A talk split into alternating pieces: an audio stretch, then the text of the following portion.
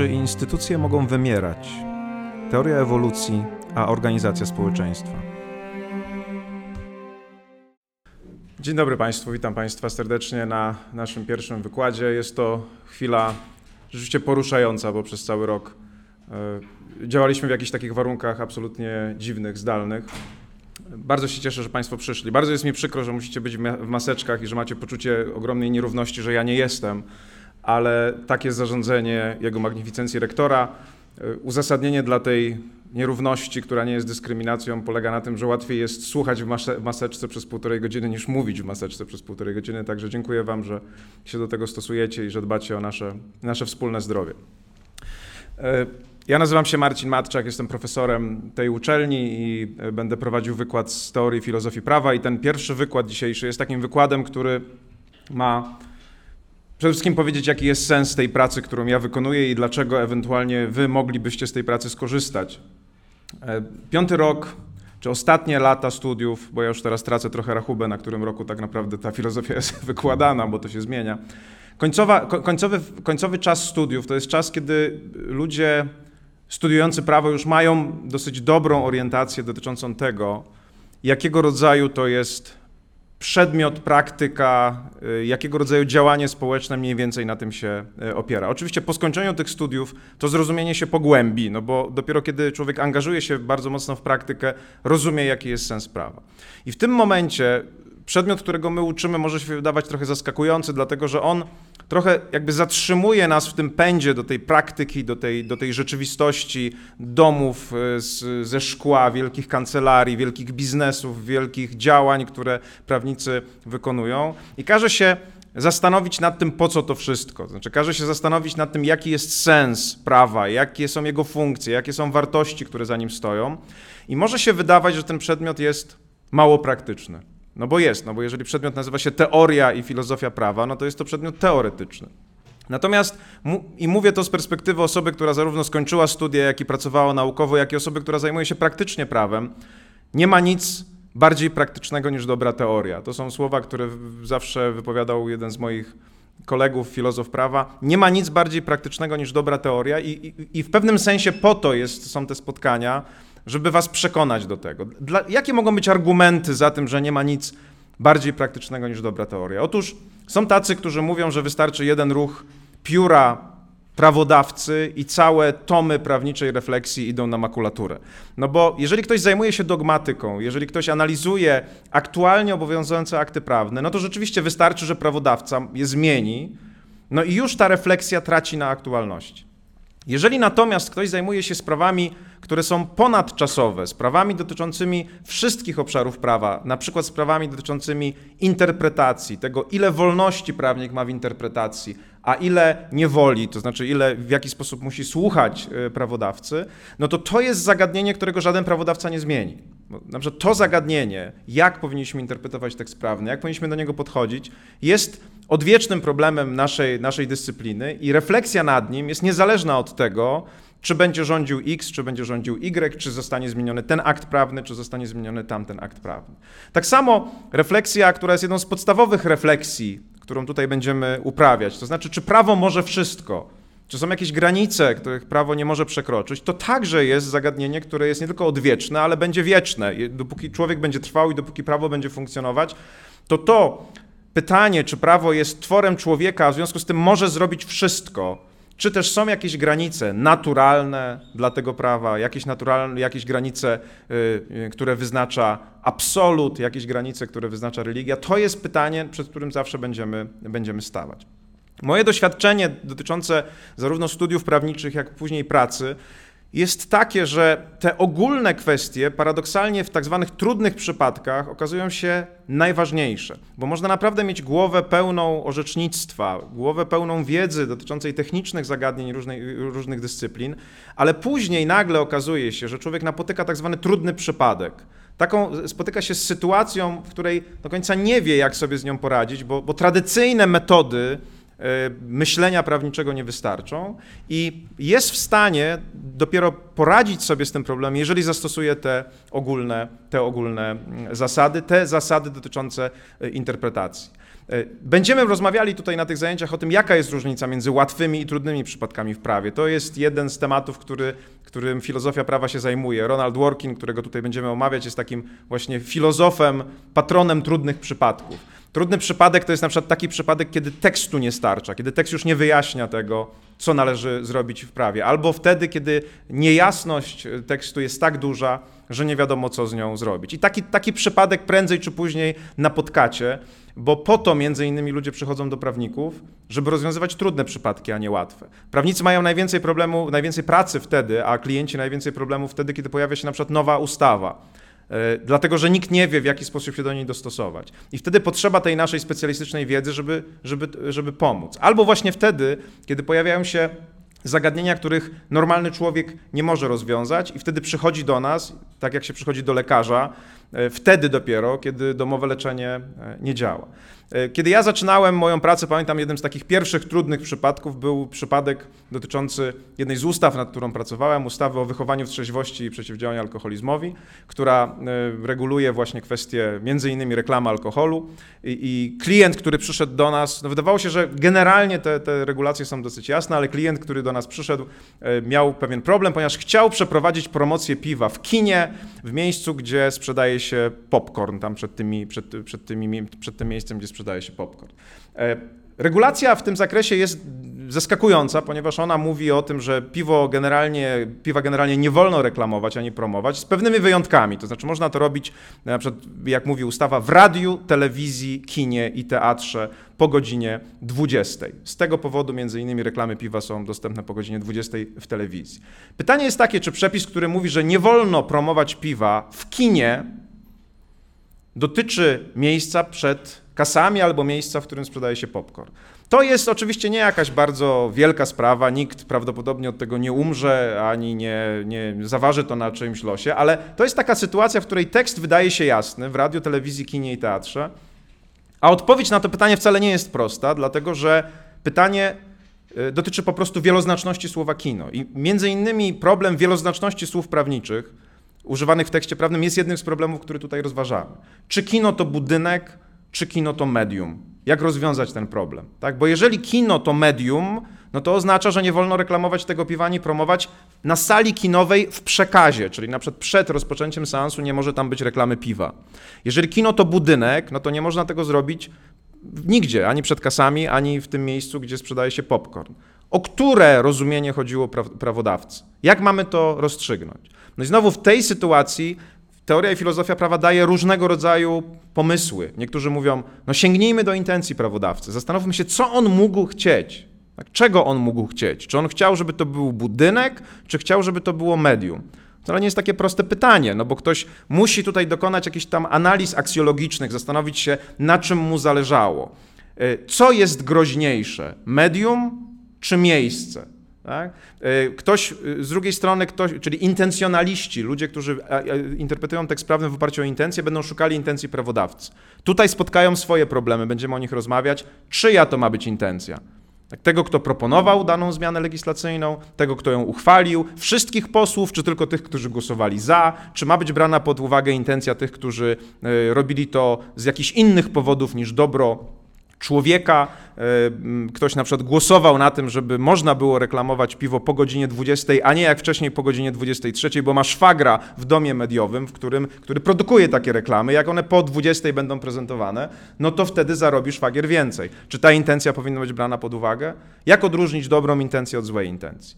No więc ktoś powie, i będziemy o tym rozmawiali, nie intencja tutaj odgrywa rolę, bo ona jest słabo identyfikowalna i nie da się jej agregować, to znaczy nie wiadomo, którą jak, jak wybrać wspólny mianownik intencji.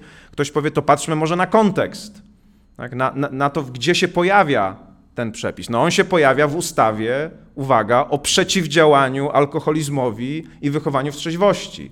No więc ktoś powie, no to prawdopodobnie jak najszersza, jak najdalej idąca interpretacja, która blokuje wszystkie reklamy i wszystkie promocje, powinna być zastosowana. No, Taki jest kontekst aksjologiczny tej ustawy. Ale czy na pewno? No gdyby tak było, to przecież w ogóle, gdyby celem ustawodawcy było całkowite zwalczenie alkoholizmu, to co by wprowadził?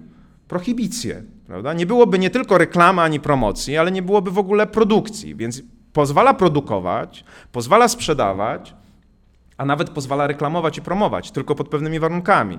No więc nie można powiedzieć, że kontekst aksjologiczny tej ustawy zabrania na pewno promocji tam, gdzie jest popcorn, dlatego że zabrania w ogóle wszelkiej promocji, bo wcale nie, na jakąś pozwala. No więc kontekst, kontekst aksjologiczny nie, nie wystarczy. To może kontekst językowy. W radiu, telewizji, kinie i teatrze. No i tutaj się pomału zbliżamy do rozwiązania tego trudnego e, przykładu, no bo jeżeli jest zakaz reklamy piwa w telewizji po godzinie 20, to czy chodzi o to, że nie wolno reklamować piwa w budynku przy Woronicza 17? No to jest absurdalne, prawda? Chodzi o medium, o telewizję jako medium. Można oczywiście ten kontekst językowy badać jeszcze inaczej i tym też się zajmujemy tutaj, przez badanie tak zwanego korpusu językowego. Jeżeli przeglądniecie, teraz to jest możliwe, kiedyś nie było możliwe, ale teraz, kiedy są dostępne akty prawne w formie elektronicznej, możecie zobaczyć, jak w całym korpusie języka prawnego, czyli we wszystkich ustawach, występuje kino w liczbie pojedynczej i, i, i w jakich kontekstach to występuje, a kiedy występuje budynek kina albo jeszcze inne określenie. Nagle się okaże, że wtedy, kiedy chodzi o budynki kin, to najczęściej kino występuje w liczbie mnogiej, czyli w kinach nie wolno reklamować, albo w budynku kina. Możecie mieć takie przepisy w regulacjach technicznych, które mówią o pewnego rodzaju warunkach technicznych, które muszą spełniać budynki. I nagle się okazuje, że jest pewnego rodzaju metoda w tym szaleństwie, że jak prawodawca chce mówić o medium, to mówi w liczbie pojedynczej. Kino, teatr, tak jak kino moralnego niepokoju, prawda? albo kino polskie, e, czy kino hiszpańskie, prawda? To nie chodzi o budynek, tylko chodzi o przekaz. A wtedy, kiedy chcę mówić o budynkach, mówi w liczbie mnogiej. I możecie z tego wywnioskować, że tak naprawdę chodzi tutaj o zakaz, który dotyczy medium, a nie dotyczy budynku. I to ma sens, dlatego że medium jest. Dlaczego zakazuje się w ogóle w medium prezent, prezentowania kina? Bo zobaczcie, jakie jest skupienie. Kiedy siedzicie w tej sali kinowej, czy kiedy siedzicie przed telewizorem, e, no to to skupienie jest większe niż na przykład wtedy, kiedy macie reklamę na billboardach. Reklama na billboardach nie jest ograniczona godzinowo, jest cały czas, prawda? Więc to nagle zaczyna nam się to układać. I zobaczcie, można powiedzieć, że taki głupi przypadek, no, no, no, bo cóż to za doniosłość ma społeczną, to czy ktoś może reklamować, robić promocję piwa przed miejscem, gdzie się sprzedaje popcorn? No, cóż to jest za doniosłość społeczna? Oczywiście darmowe piwo dla niektórych ma duże znaczenie, prawda? Ma, ma pewną doniosłość.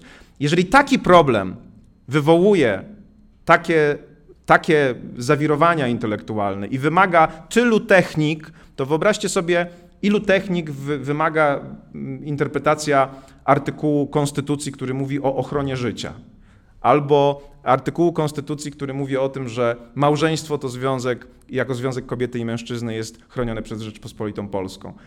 To są dopiero potężne, trudne y, przypadki. Paradoksalnie ta sama technika, której stosuje, którą stosuje się właśnie w przypadku nawet tych mniej doniosłych, tam także będzie stosowana. To jest jeden tylko przykład, że jeżeli wejdziecie w praktykę prawniczą, to spotkacie się z takimi przykładami, takimi przypadkami, gdzie sama znajomość danej gałęzi prawa nie wystarczy, żeby je rozwiązać. Te, to, to, będą takie momenty, gdzie będziecie musieli sięgnąć po pewne bardziej złożone, bardziej skomplikowane te, te, te meta, meta zasady, na przykład zasady interpretacji, po to, żeby sobie z tymi sprawami poradzić. I chciałbym, żebyśmy potraktowali to jako wstęp, który w moim odczuciu no, miał tylko pokazać, że to, co abstrakcyjne czy teoretyczne, może mieć bardzo dużą doniosłość praktyczną. Mnie się tak bardzo często zdarza, że moi koledzy, z którymi pracuję w kancelarii, to właśnie przychodzą do mnie z takimi trudnymi przypadkami. Wtedy, kiedy już normalna wiedza tego pierwszego poziomu nie wystarcza i po to między innymi jest ten przedmiot, po to, żeby, żeby o tych sprawach móc myśleć. Ale on ma także jeszcze jedną funkcję, mianowicie chodzi o to, żebyście mieli możliwość niejako podsumować swoją wiedzę takim trochę bardziej ogólniejszym spojrzeniem. To znaczy, żebyście mogli y, właśnie zastanowić się bardziej w, aspe w aspekcie społecznym, po co jest prawo, po co my je w ogóle mamy, kiedy ono pełni swoją funkcję właściwie, a, a kiedy pełni swoją funkcję niewłaściwie. I oczywiście tych teorii jest cała masa. E, I każdy z Was, mam nadzieję, tutaj znajdzie jakąś taką teorię, która jemu pozwoli wyjaśnić pewną rzeczywistość. Są teorie, które są bardziej oparte na prawie naturalnym i ci z was, którzy mają myślenie bardziej konserwatywne, myślenie e, Ci z Was, którzy nie mają problemu z religią, będą na pewno myśleli o prawie w kategoriach prawno-naturalnych, przynajmniej nieraz, czyli wtedy, kiedy będą zastanawiali się właśnie na tym, czy jest jakiś limit dla tego, czy, co prawem może zrobić człowiek. Ci z Was, którzy mają bardziej tendencje liberalne, lewicowe, pewnie będą odchodzili od tych koncepcji prawno-naturalnych, będą bardziej spoglądali w kierunku pozytywizmu prawniczego, który zakłada jednak taką wszechmoc człowieka, który tworzy prawo i właściwie zakłada, że wszystko tym prawem można uregulować, no bo ono jest jest działaniem ludzkim. No, w związku z tym nie ma e, granicy w postaci absolutu czy jakiejś natury, e, a więc rzeczywiście zrobić można wszystko. Jest ten przedmiot przeglądem takich teorii czy takich koncepcji i mam nadzieję, że każdy z Was coś w nim znajdzie. Ale pewien problem, który się oczywiście w pewnym momencie pojawi, będzie taki, czyja koncepcja, czy czyja teoria jest najlepsza. Czy lepszy jest prawnonaturalizm, czy lepszy jest pozytywizm. E, czy może jest jakaś jeszcze trzecia droga, bo też takie trzecie, trzecie drogi będziemy tutaj analizować. I ja mam oczywiście też z tym problem, dlatego że kiedy ja przychodzę uczyć Was o różnych teoriach, to mogę przyjąć dwie perspektywy. To znaczy, mogę przyjąć perspektywę bardzo obiektywną, taką, która prezentuje Wam te koncepcje, te teorie i mówi: proszę bardzo, no możecie sobie wybrać. Y, trochę taką, wydaje mi się, tendencję przyjął E, profesor Tatarkiewicz w swojej historii filozofii, ludzie, którzy czytają tę książkę, są zdziwieni, że właściwie cokolwiek Tatarkiewicz omawia, to tak jakby to była jego koncepcja. Że promuje tę koncepcję, że mówi o niej w taki sposób, że ona się wydaje jedyną, najważniejszą, ale za chwilę jest jakaś inna i mówi o niej dokładnie tak samo. No to jest wzór trudny mm, do, do realizacji, ale można, można tak robić. Ale można też zrobić inaczej i ja w tym roku akurat postanowiłem, że zrobię inaczej. To znaczy, rozpocznę ten wykład od przedstawienia Wam mojej koncepcji, to znaczy, jak, jaka mnie się wydaje najlepsza, a następnie w ramach tego, tego mojego spojrzenia będę Wam pokazywał inne, dlatego, że wydaje mi się, że to w pewnym sensie jest jakieś takie uczciwe intelektualnie. Znaczy, chodzi mi o to, że chciałbym, żebyś, żebyśmy przełamali pewną taką barierę, która się pojawia w nauczaniu akademickim. Wiecie, generalnie my was uczymy rzeczy, które zostały stworzone jakieś 40-50 lat temu. Dlatego, że to jest czas, który jest potrzebny do tego, żeby one się jakby, można powiedzieć, ugruntowały w nauce, żebyśmy wiedzieli, że to są na pewno te teorie, które już jakby zostały sprawdzone. E, czyli krótko mówiąc, nie zawsze uczymy was nowości, dlatego że nie zawsze wiemy jeszcze, czy te nowości są warte uczenia. Ale to powoduje u nas, jako u wykładowców, pewnego rodzaju taką schizofrenię, dlatego że no, jednak zajmujemy się tymi nowościami. No bo jak wiecie, praca nauczyciela akademickiego to jest praca, która, czy akademika to jest praca, która ma dwie nogi co najmniej, czy dwa aspekty. Jest aspekt dydaktyczny, który teraz wy, ja wykonuję, ale jest też aspekt naukowy. Znaczy ja go wykonuję wtedy, kiedy publikuję swoje artykuły czy swoje książki.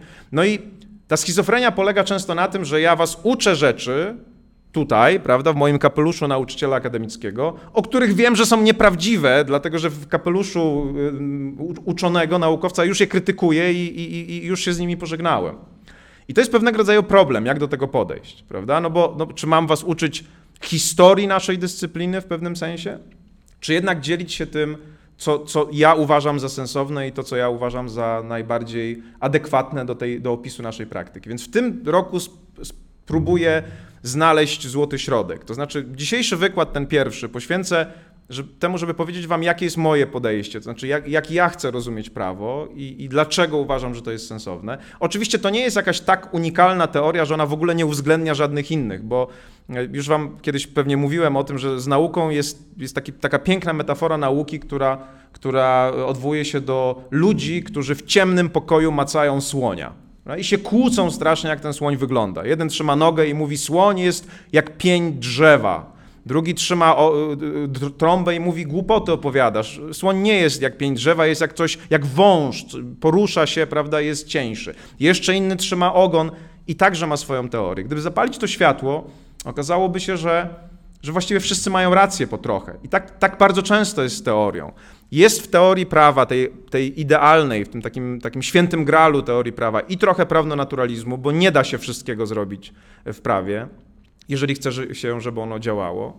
I jest trochę, bardzo dużo pozytywizmu prawniczego, i trochę trzeba myśleć o intencji, kiedy się interpretuje, i trochę o kontekście, zarówno aksjologicznym, jak i tym językowym. Krótko mówiąc, trzeba szukać tej prawdy, naświetlając rzeczywistość z różnych stron.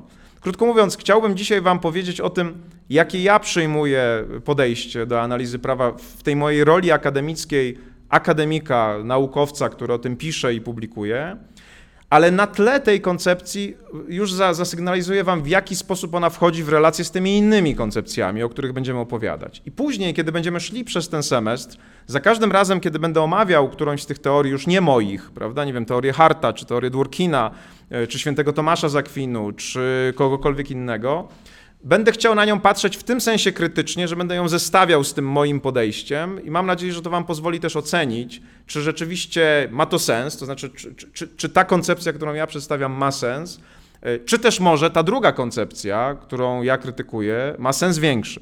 Mam nadzieję, że taki, takie, takie zagranie, że tak powiem, dydaktyczne będzie, będzie miało sens. Jeszcze jedna kwestia dotycząca y, organizacji zasadą zajęć uniwersyteckich jest absolutna wolność słowa. To znaczy, oczywiście jest tak, że ja gadam, bo taka jest moja rola i za to mi płacą. Natomiast jeżeli ktoś z Was w trakcie tego wykładu ma jakiekolwiek pytanie, czy wątpliwość, czy komentarz, to proszę Was, żebyście się zgłaszali i to mówili. To jest ważne z wielu powodów. Znaczy, po pierwsze, jest to ważne dlatego, że jak coś budzi Waszą wątpliwość, czy, czy chcecie o coś zapytać, to to trzeba robić od razu, bo potem się zapomni, jak już będzie koniec wykładu. A po drugie, dla mnie to jest ważna informacja zwrotna. Wiecie, jest takie zjawisko, że jak ktoś mówi, to, to temu komuś się wydaje, że jest mądry i przekonujący. E, I że wszyscy rozumieją zagadnienia, o których on mówi, tak samo jak on. To jest nieprawda, no bo, no bo ja, ja, ja, mam w głowie to, co chcę powiedzieć, mogę dokonywać pewnych skrótów, więc pytania od Was są dla mnie ważnym, ważną informacją zwrotną, czy ja przekazuję to, co chcę w taki sposób, jak chcę. Jeżeli mówicie, że czegoś nie rozumiecie, albo że coś jest niezrozumiałe, albo że z czymś się nie zgadzacie, to, to ja wtedy mogę poprawić ten mój komunikat. Także y, chcę Was zapewnić, że dla mnie pytanie w trakcie wykładu nie jest przeszkodą czy problemem, tylko jest powodem do radości, bo to znaczy, że jest interakcja i że jest szansa ewentualnie na sprawdzenie tego, na ile to, co ja mówię, to rozumienie tego, co mówię u Was przebiega, przebiega właściwie. Jaka jest więc ta koncepcja, którą chcę Wam przedstawić?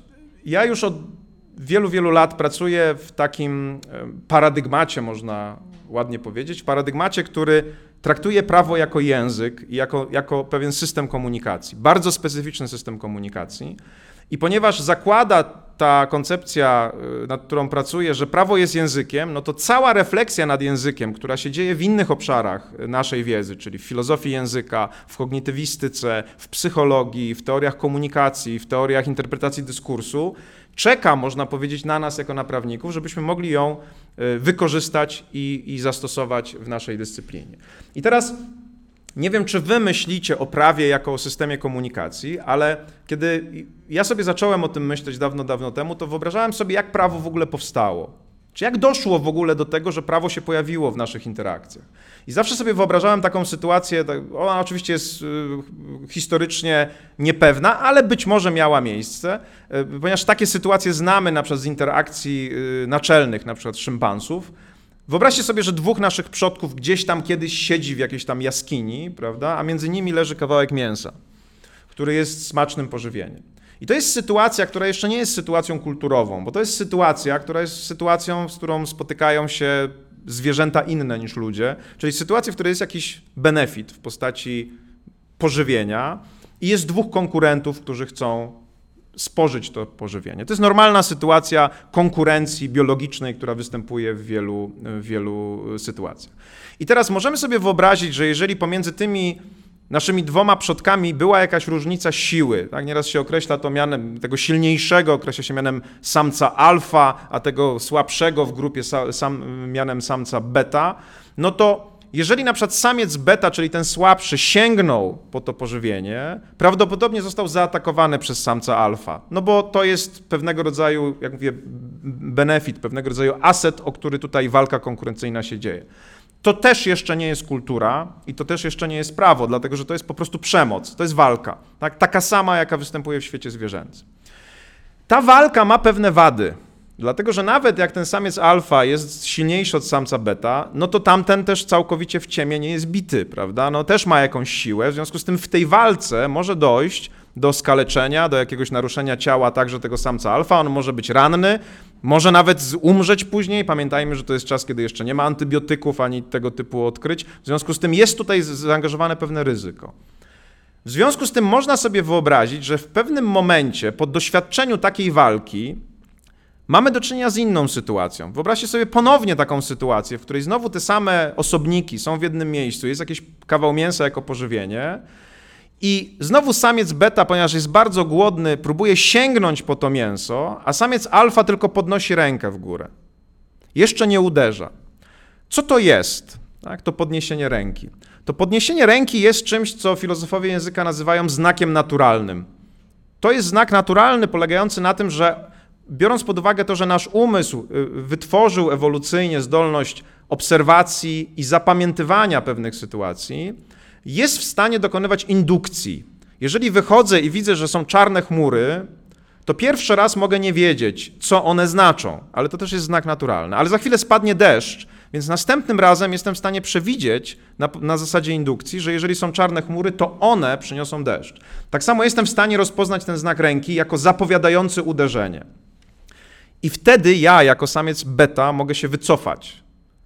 Dlatego, że wiem, co się stanie. I tu już zaczyna się interakcja, która jest już na pograniczu świata zwierząt i świata ludzi, dlatego że to jest znak, który coś zapowiada. On jest jeszcze znakiem naturalnym i oczywiście takich znaków naturalnych jest cała masa w świecie zwierząt. Prawda, jak paw rozkłada ogon, albo ta ryba, która się tak pompuje, prawda, robi się większa, albo e, psy, prawda, szczerzą kły, to są wszystko znaki naturalne, które mają odstraszyć i spowodować, żeby nie doszło do przemocy, bo przemoc zawsze jest kosztowna w sensie ewolucyjnym. No dobrze, czyli mamy już sytuację trochę dalej posuniętą. No i teraz trzecia sytuacja, w której to już nie jest znak naturalny, ale ten samiec alfa, chcąc odstraszyć tego samca beta, potrząsa na przykład maczugą albo jakimś narzędziem. I nawet nie chce go uderzyć, tylko po prostu nim potrząsa. Zwróćcie uwagę, że to już jest znak, który ma bardziej charakter konwencjonalny. Zwłaszcza, że ta maczuga za moment wcale nie musi być maczugą, ale może być mini maczugą, czyli berłem królewskim, na przykład, który jest symbolem władzy. I już wtedy ono nie służy do uderzania, tylko jest sygnalizacją tego, ja tu rządzę i jeżeli nie zachowasz się tak, jak ja chcę, żebyś się zachował, no to wtedy ja ci przyłożę, czyli spotka cię jakaś sankcja. I tu zaczyna nam się budować już kultura, w pewnym sensie prawna, oparta na komunikacji. To znaczy prawo, czyli rozkaz, staje się komunikatem, który musi zostać zrozumiany przez drugą stronę. I ten rozkaz zrozumiany wpływa na zachowanie, a przemoc znika. I to jest olbrzymia doniosłość tego momentu, ponieważ nagle się okazuje, że my wychodzimy poza świat zwierząt i już nie przemoc, ale komunikacja pozwala nam się koordynować. Sygnał, znak, który już nie jest nawet znakiem naturalnym, tylko jest znakiem konwencjonalnym, powoduje, że my się w jakiś sposób zachowujemy.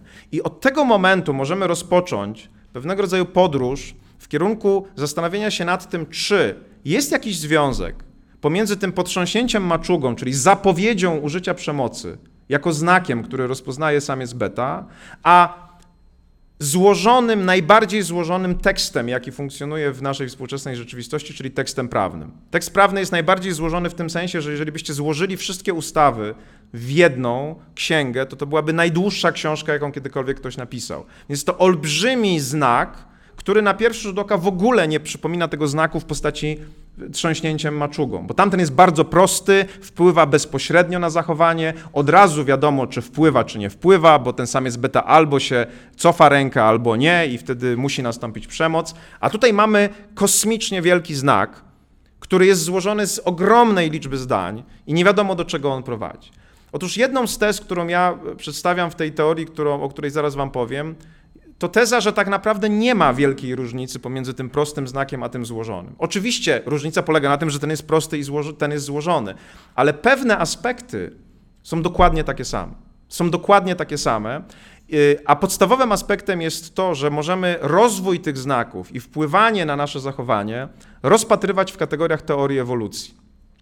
I to jest jedna z takich ram teoretycznych, której ja używam i której, do której będę wracał w trakcie tych naszych spotkań, żeby wam pokazać, że teoria ewolucji, która jest naturalnie, była naturalnie wykorzystywana do analiz biologicznych i do tego, w jaki sposób nasze organy się rozwijają, w jaki sposób cechy biologiczne się rozwijają, co się dzieje w momencie, kiedy następuje mutacja i kiedy ta mutacja staje się adaptacją, czyli czymś przydatnym, bo ma tak zwaną funkcję przeżycia czy wartość przeżycia, a kiedy nie jest taką wartością, to są zagadnienia, które na pewno kojarzycie z biologią. Natomiast już od wielu, wielu lat, bo mniej więcej od lat 50., następuje takie przeniesienie teorii ewolucji na nauki społeczne, na kulturę.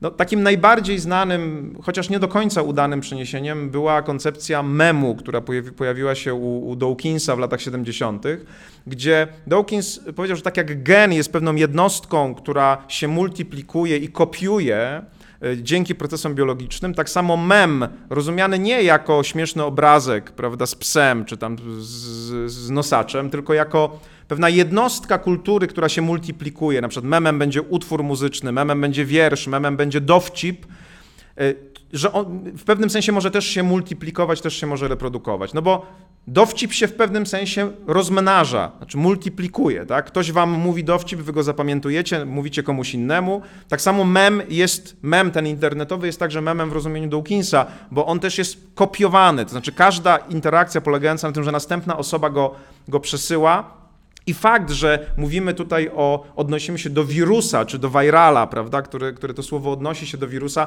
także widzimy tę konotację e, biologiczną.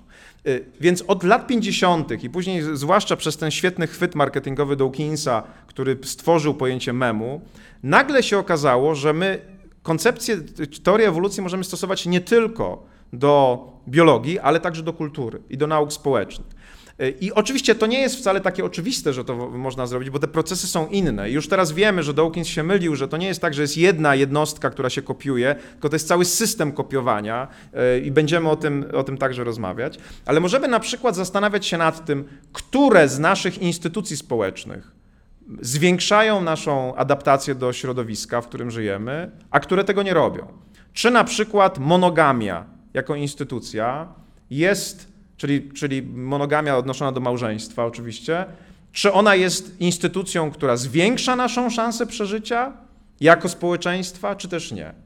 Czy poligamia jako, jako, przeciw, jako konkurencyjna koncepcja tego, jak żyć w społeczeństwie, jest lepsza ewolucyjnie?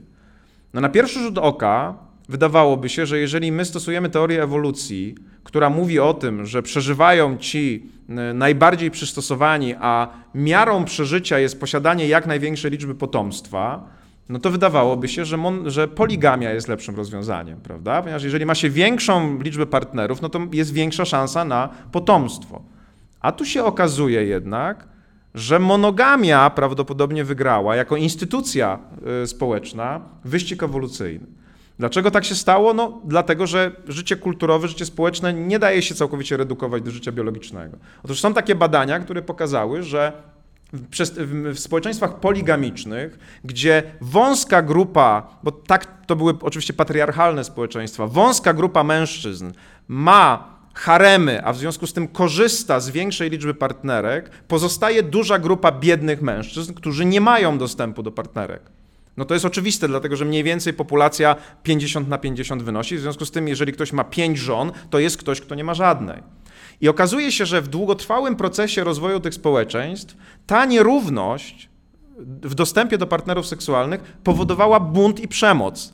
Te, te, te społeczeństwa historycznie upadały ze względu na nie dający się rozwiązać konflikt i frustrację, która, która powodowała przemoc. I w pewnym sensie historycznie nagle doszło do rozwiązania, w którym monogamia stała się dominującym rozwiązaniem, mimo że wydawałoby się, że, że seksualnie ona jest, czy, czy reprodukcyjnie ona jest na straconej pozycji. Dlaczego ja mówię o instytucji monogami czy poligami? Dlatego, że one jeszcze są trochę biologiczne, ale już są społeczne, bo przecież to normy społeczne ustalają, w jaki sposób my funkcjonujemy. Ale zaraz możecie się zastanowić nad tym i będziemy to robili, które z rozwiązań ustrojowych jest lepsze ewolucyjnie. Czy jedynowładztwo, czy podział władz. Tak? Zastanowimy się nad tym i będziemy, poświęcimy w czasie naszych wykładów takie, takie rozważania temu, dlaczego na przykład totalitaryzmy, czy to totalitaryzm komunistyczny, czy totalitaryzm nazistowski upadły ostatecznie. Tak? Dlaczego nie mogły rozwiązywać pewnych problemów, zwłaszcza problemów związanych z przepływem informacji? Czy to oznacza, że były złymi mutacjami społecznymi, znaczy były pewną próbą innego rozwiązania, które się nie sprawdziło i wyginęło, i dlatego już więcej staramy się do nich nie wracać, do tego stopnia, że już nawet o nich nie chcemy dyskutować i wprowadzamy cenzurę na to, żeby te pomysły w ogóle były dyskutowane w społeczeństwie, czy też doszło do czegoś innego. To są też rozważania, które są prowadzone przez wielu analityków, którzy zastanawiają się, czy, czy, czy gospodarka centralnie planowana jest dobrym pomysłem instytucjonalnym, y, czy ona pozwala efektywnie zarządzać y, zasobami ludzkimi czy pozwala produkować, do, doprowadzać społeczeństwo do dobrobytu. Czy też musimy mieć rozproszoną gospodarkę, czyli gospodarkę wolnorynkową i tylko ona jest w stanie doprowadzić do dobrobytu, czy też musimy znaleźć znowu jakąś, jakieś rozwiązanie pośrodku. Nie będziemy dzisiaj tego rozstrzygać, porozmawiamy o tym w, w, odpowiednim momencie, ale chcę Wam pokazać, że można myśleć także o, o takich układach ustrojowych, jak jedynowładztwo, podział władz, gospodarka centralnie sterowana, gospodarka rozproszona, wolnorynkowa, jako pewnego rodzaju pomysłach, jako ideach, które się potem sprawdzają w rzeczywistości. To znaczy, jak się sprawdzają, jeżeli prowadzą do dobrobytu i do, do czegoś, co jest dla ludzi dobre w długim okresie, no to wtedy zakładamy, że warto je kontynuować. Jeżeli natomiast one doprowadzają do upadku, no to wtedy nie przeżywają w rozumieniu, w rozumieniu ewolucyjnym. Dlaczego w ogóle teoria ewolucji stosuje się do zagadnień społecznych? Daniel Dennett napisał kiedyś taką książkę Niebezpieczna idea Darwina, która pokazuje w całej rozciągłości, jaką moc ma teoria ewolucji. Dennett, który, o którym kiedyś ktoś powiedział, że gdyby przelecieli do nas obcy i trzeba byłoby wystawić jednego reprezentanta, który miałby z nimi gadać, to trzeba by było wystawić Dennetta, bo on jest najmądrzejszy. Dennett napisał, że teoria ewolucji jest naj, najmądrzejszą ideą, jaka kiedykolwiek człowiekowi wpadła do głowy. Tak, dlatego, że ona absolutnie, prawdopodobnie ona wyjaśnia wszystko. To znaczy wyjaśnia nie tylko rozwój biologiczny, nie tylko rozwój kulturowy czy społeczny, ale być może także e, jakby rozwój fizyczny wszechświata. Tego jeszcze nie wiemy, nie wiemy do końca. Dlaczego ona jest tak atrakcyjna, dlaczego ona jest tak, tak dobra? Dlatego, że ona oparta jest na bardzo prostej zasadzie. Masz jakąś różnorodność, i masz jakąś tak zwaną presję selekcyjną, czyli coś, co ci testuje, czy które z tych rzeczy, które ci się pojawiają, są lepsze dla danego środowiska, a które są gorsze. I tą różnorodnością mogą być cechy osobnicze. Tak? Ktoś ma pióra, ktoś nie ma piór, ktoś ma długie stopy, ktoś ma małe stopy, jakieś ptaki mają długie dzioby, inne mają krótkie dzioby. I jest jakaś presja selekcyjna. Na przykład jest tylko jeden rodzaj pokarmu i na tym pokarmie wyżywią się tylko takie ptaki, które mają długie dzioby. Prawda? Albo jest zimno i ci, co mają pióra, przeżyją, bo one ich o, o, o, jakby ochraniają przed tym zimnem, a ci, którzy nie mają, nie przeżyją. Z tej wielości rozwiązań świat, można powiedzieć, środowisko wybiera te, które zasługują na dalsze, na dalsze przeżycie. Nikt tego nie robi indywidualnie, po prostu interakcja między różnorodnością jakiegoś rodzaju i presją selekcyjną, która, która w pewnym sensie wybiera te rzeczy, które trwają i te, które przestają trwać, tak działa na najwyższym poziomie teoria ewolucji. I w kulturze jest podobnie. Jeżeli ktoś wymyśla sobie, jestem Leninem i chcę, żeby była równość i żeby władza była scentralizowana, to to jest jakiegoś rodzaju pomysł, jakiegoś rodzaju, moglibyśmy powiedzieć, element różnorodności myślenia o państwie. Tak? A przychodzi ktoś inny i mówi, nie wiem, mam, nazywam się Hayek i uważam, że gospodarka powinna być zdecentralizowana i powinna być zindywidualizowana i nie powinna być sterowana. I to jest mój pomysł. To musimy patrzeć na to jako na pewnego rodzaju różnorodność, z której presja selekcyjna świata wybiera te rozwiązania, które są dobre, albo te, które są złe. Znaczy, te, które są dobre, trwają i przynoszą benefit, te, które są złe, nie trwają i nie przynoszą benefitu. Oczywiście problem jest taki, że nieraz te okresy w ocenie tego, czy coś przynosi benefit, czy nie, są bardzo długie. Ale w taki sposób możemy popatrzeć i to nam na, na, kulturę i to nam na przykład wyjaśnia, dlaczego wolność słowa, wolność nauki czy wolność idei na przykład nie jest przypadkową wartością, którą sobie ktoś kiedyś wymyślił patrząc w sufit i może jej nie być. Bo jeżeli patrzymy tak na rzeczywistość społeczną i kulturową, to jeżeli zabronimy ludziom produkowania nowych, produkowania nowych idei, bo powiemy, nie wolno ci tego mówić, to jest tabu, nie możesz prezentować swoich myśli, to zabijamy podstawową zasadę rozwoju w rozumieniu teorii ewolucji, bo nie dostarczamy różnorodności. Nie ma nowych pomysłów, nie ma nowych memów, nie w rozumieniu internetowym, ale w rozumieniu Dawkinsa. Nie ma nowych idei, które możemy testować. Tak? Na przykład ludzie się nieraz zastanawiają, po cholerę nam sztuka? Tak? Po co nam sztuka? E, czy sztu, zwłaszcza sztuka nowoczesna, prawda? Ktoś banana przyklei do białego płótna, plastrę i mówi i sprzeda to za 20 milionów dolarów. E, podobnie ludzie mówią, po co na przykład są pokazy mody, prawda? Kiedy e, chodzą tam ci modele i modelki ubrani w jakieś dziwne, że przecież nikt tak się nie ubiera, prawda?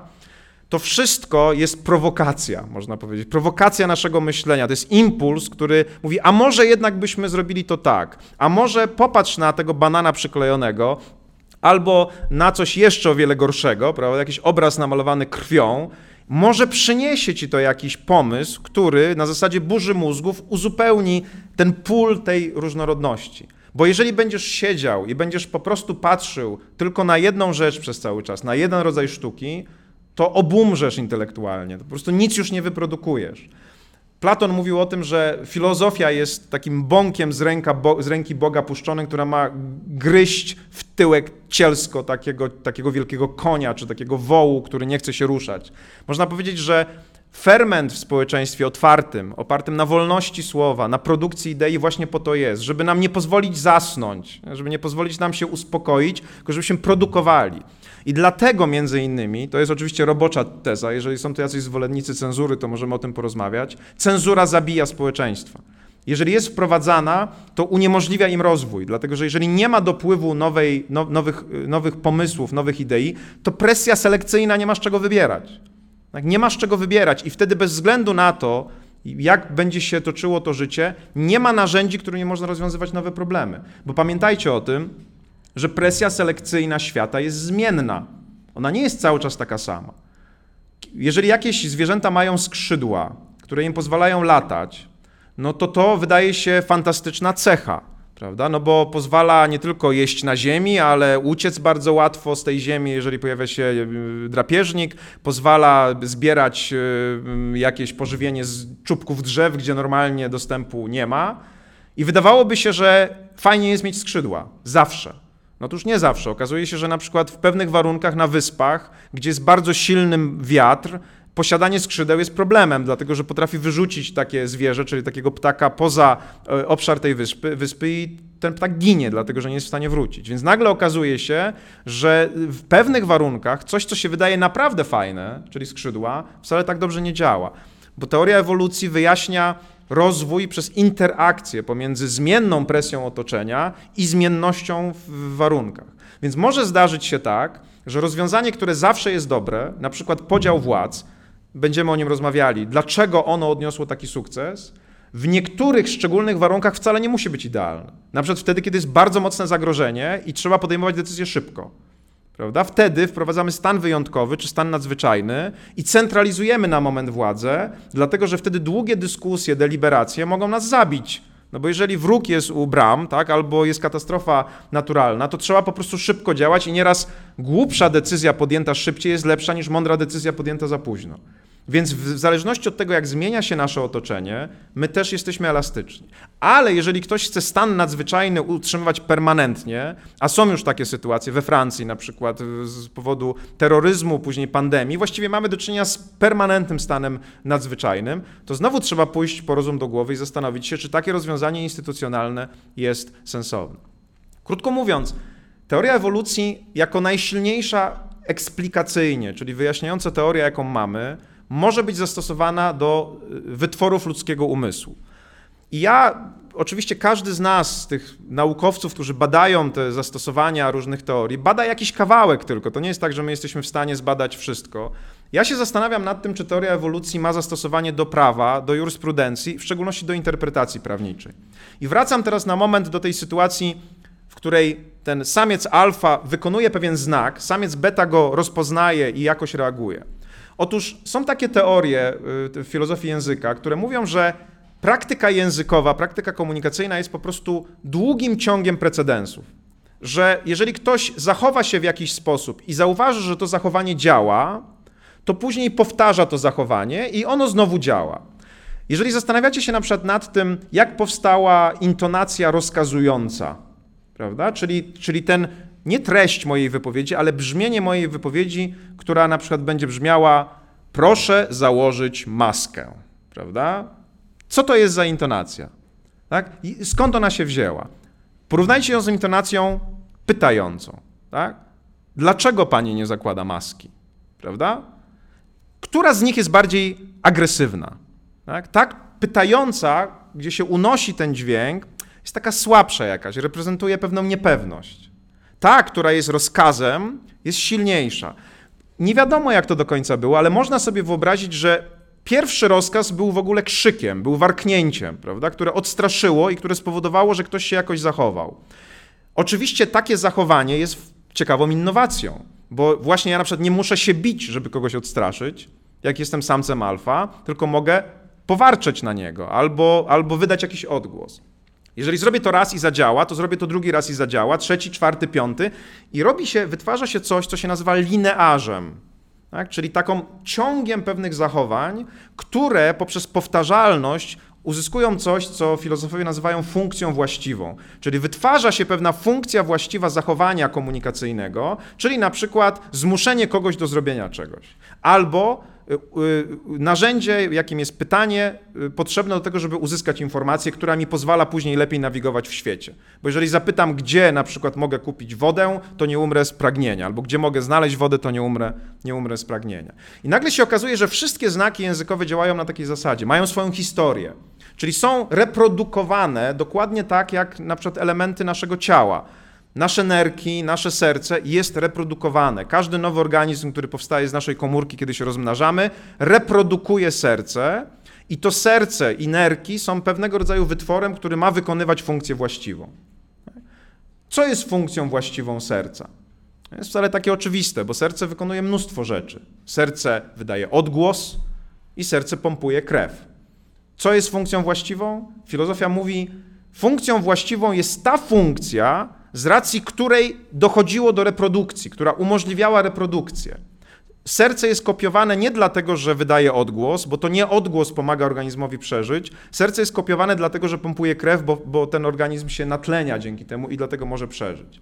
W języku oczywiście wypowiedzi nasze, różnego rodzaju intonacja, zdania, e, znaczenie słów, to też są funkcje, które zostały wytworzone w historycznym porządku. W tym znaczeniu, że ktoś kiedyś musiał użyć po raz pierwszy słowa pies, słowa wolność, słowa niezależność, słowa uniwersytet, do czego się odniósł, a inni ludzie kopiowali te, te zachowania językowe. Kopiowali te zachowania językowe, wytwarzając funkcję właściwą konkretnych słów. Oczywiście ludzie także manipulują funkcją właściwą. Ludzie manipulują funkcją właściwą. Podam dwa przykłady z dwóch stron stron, można powiedzieć, sceny politycznej, po to, żeby pozostać, jak przystoi na uniwersytet, e, niezależnym i niestronniczym. Prawica uważa, że użycie słowa małżeństwo na określenie związku jednopłciowego jest nadużyciem. Zastanówmy się, jak w ogóle można by było to, to, to, to analizować. Jeżeli przy pomocy ewolucyjnych podejść do języka do tego podejdziemy, to jedna rzecz jest oczywista. Kiedyś, bardzo dawno temu, ktoś po raz pierwszy nazwał coś małżeństwem. Musiał być taki moment, tak? Filozofia nazywa to chrztem pierwotnym albo ceremonią nazwania. Był taki moment, musiał gdzieś nastąpić. Później ludzie na zasadzie kopiowania nazywali następne rzeczy małżeństwem, tak samo jak wydawali sobie rozkazy albo zadawali sobie pytania. Słowo małżeństwo uzyskało funkcję właściwą odnoszenia się do jakiegoś stanu rzeczywistości. I teraz pytanie brzmi, czy jeżeli, jeżeli nawet historycznie, historycznie to sformułowanie odnosiło się do par obupłciowych, czy teraz nagle określenie tak tym mianem pary jednopłciowej jest nadużyciem, jest manipulacją, czy też nie? Jak można to analizować? Można to analizować poprzez funkcję właściwą. To nie oznacza czysto tradycja, bo oczywiście jeżeli ktoś powie, że tradycyjnie małżeństwem określono parę yy, obu płci, no to teraz, jeżeli chcemy nagle rozpocząć określaniem tej miany coś nowego, no to to jest nadużycie. Nie o to chodzi w teorii ewolucji. My bardzo często stosujemy pewnego rodzaju słowa i rozszerzamy ich zakres. Kiedyś kara okrutna albo okrucieństwo to było łamanie kołem albo wyrywanie paznokci. Teraz uznaje się za karę okrutną czy za okrucieństwo pozbawianie snu. Tak?